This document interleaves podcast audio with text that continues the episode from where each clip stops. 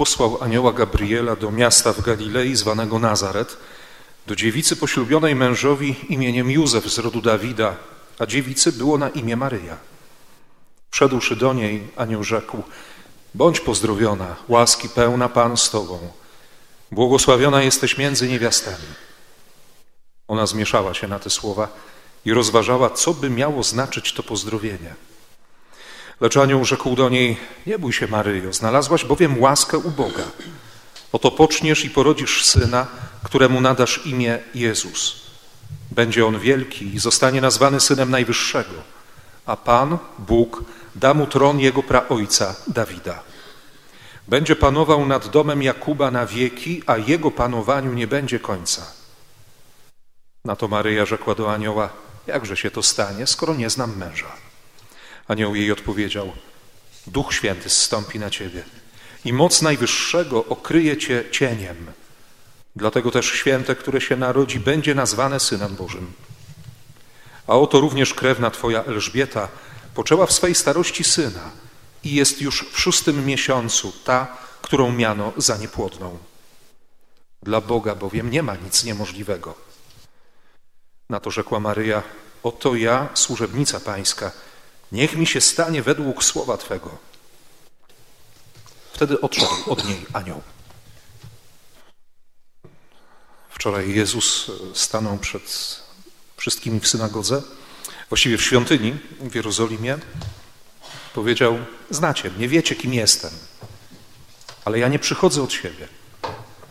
Prawdziwy jest ten, który mnie posłał. Chcę głosić to, co od Niego usłyszałem. Wiele razy Jezus będzie mówił, że, że nie robi nic sam. Wszystkiego się nauczył od Ojca. Wszystko usłyszał od Ojca. I dlatego nie boi się powiedzieć, że, że nie ma ważniejszego słowa, że, że człowiek, jeśli chce się nakarmić, nasycić, tak naprawdę, tak do samego końca, nasycić wszystkie swoje tęsknoty, wszystkie swoje głody, wszystkie swoje pragnienia, to, to ma przyjąć całe słowo Boga. Nie samym chlebem, ale każdym słowem albo całym słowem, które pochodzi z ust Bożych. Można się napełnić, wypełnić. Zresztą wiele razy też będzie mówił o tym, że, że przychodzi, żeby wypełnić wszystko.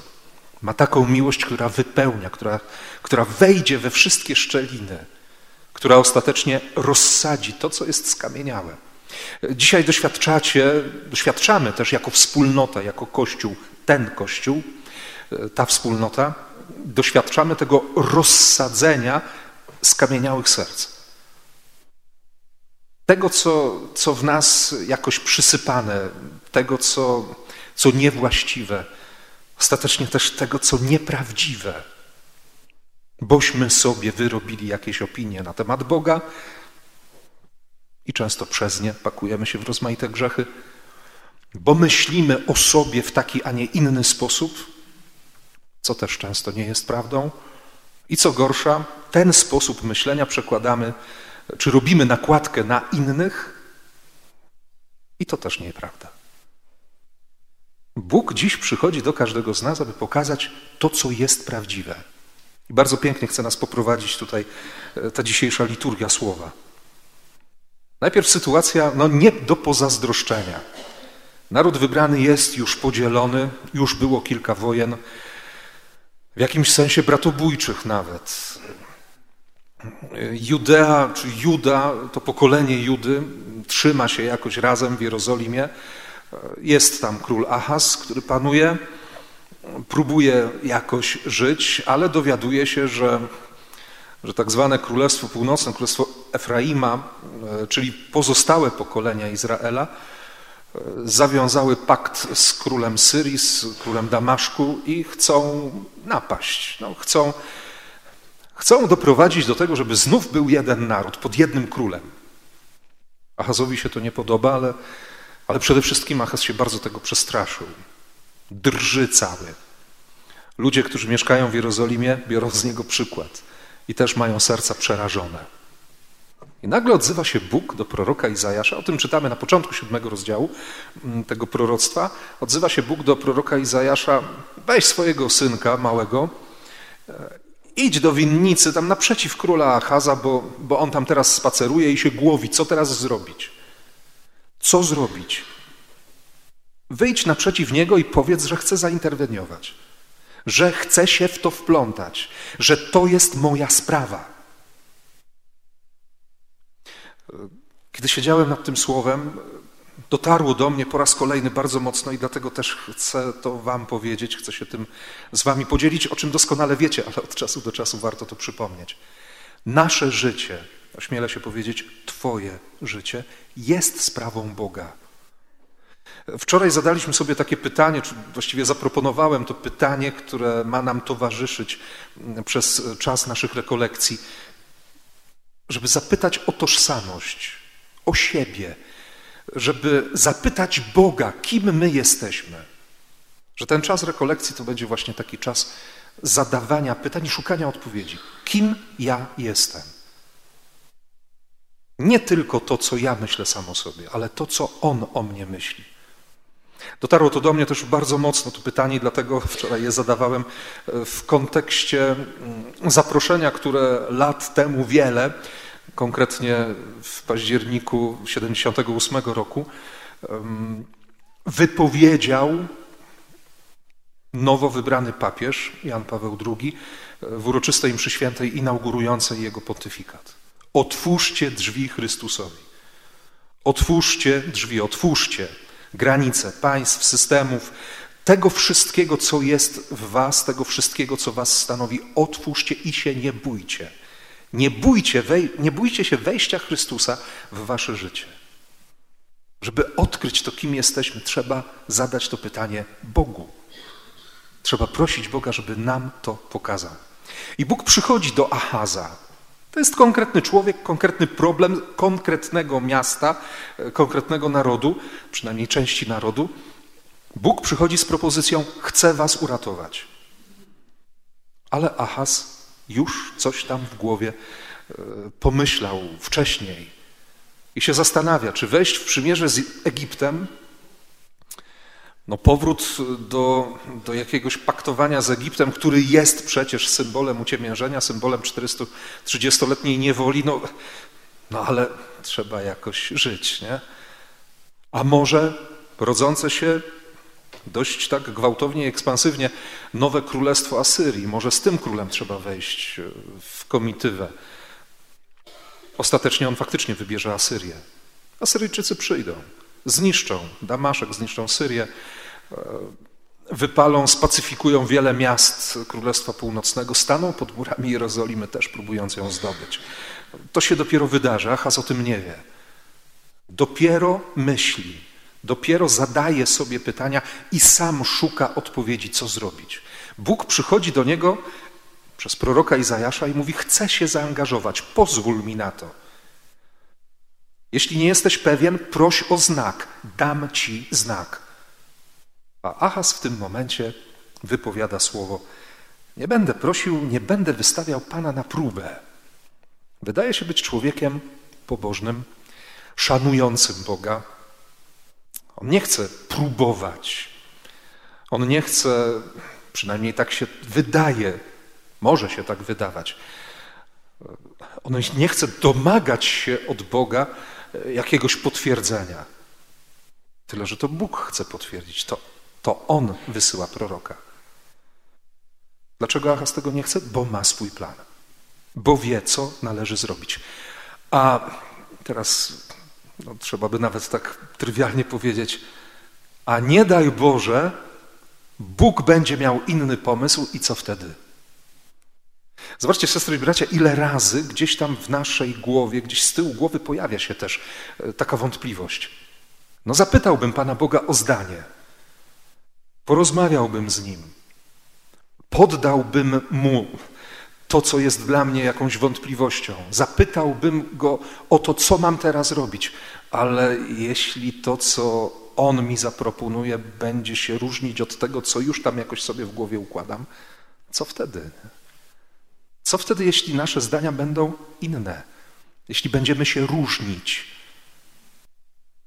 To co Boga ma być teraz na wierzchu? Przyznam szczerze, że wiele razy mam też y, takie wątpliwości, takie pytania i czasami chcę uciec od tego. Zachowuje się jak.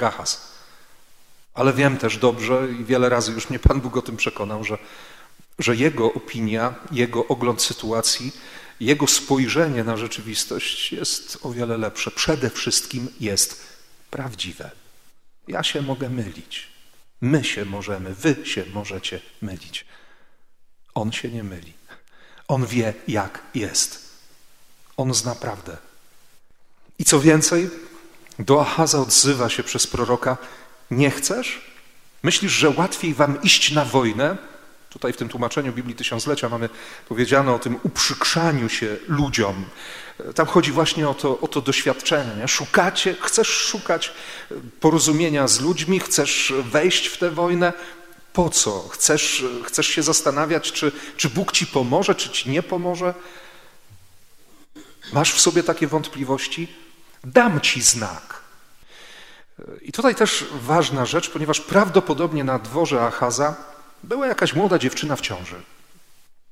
I, I Bóg mówi: To dziecko, które się urodzi teraz, otrzyma imię Emanuel.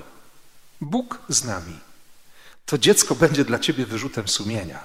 To dziecko będzie ci przypominać, że, że Bóg jest z wami.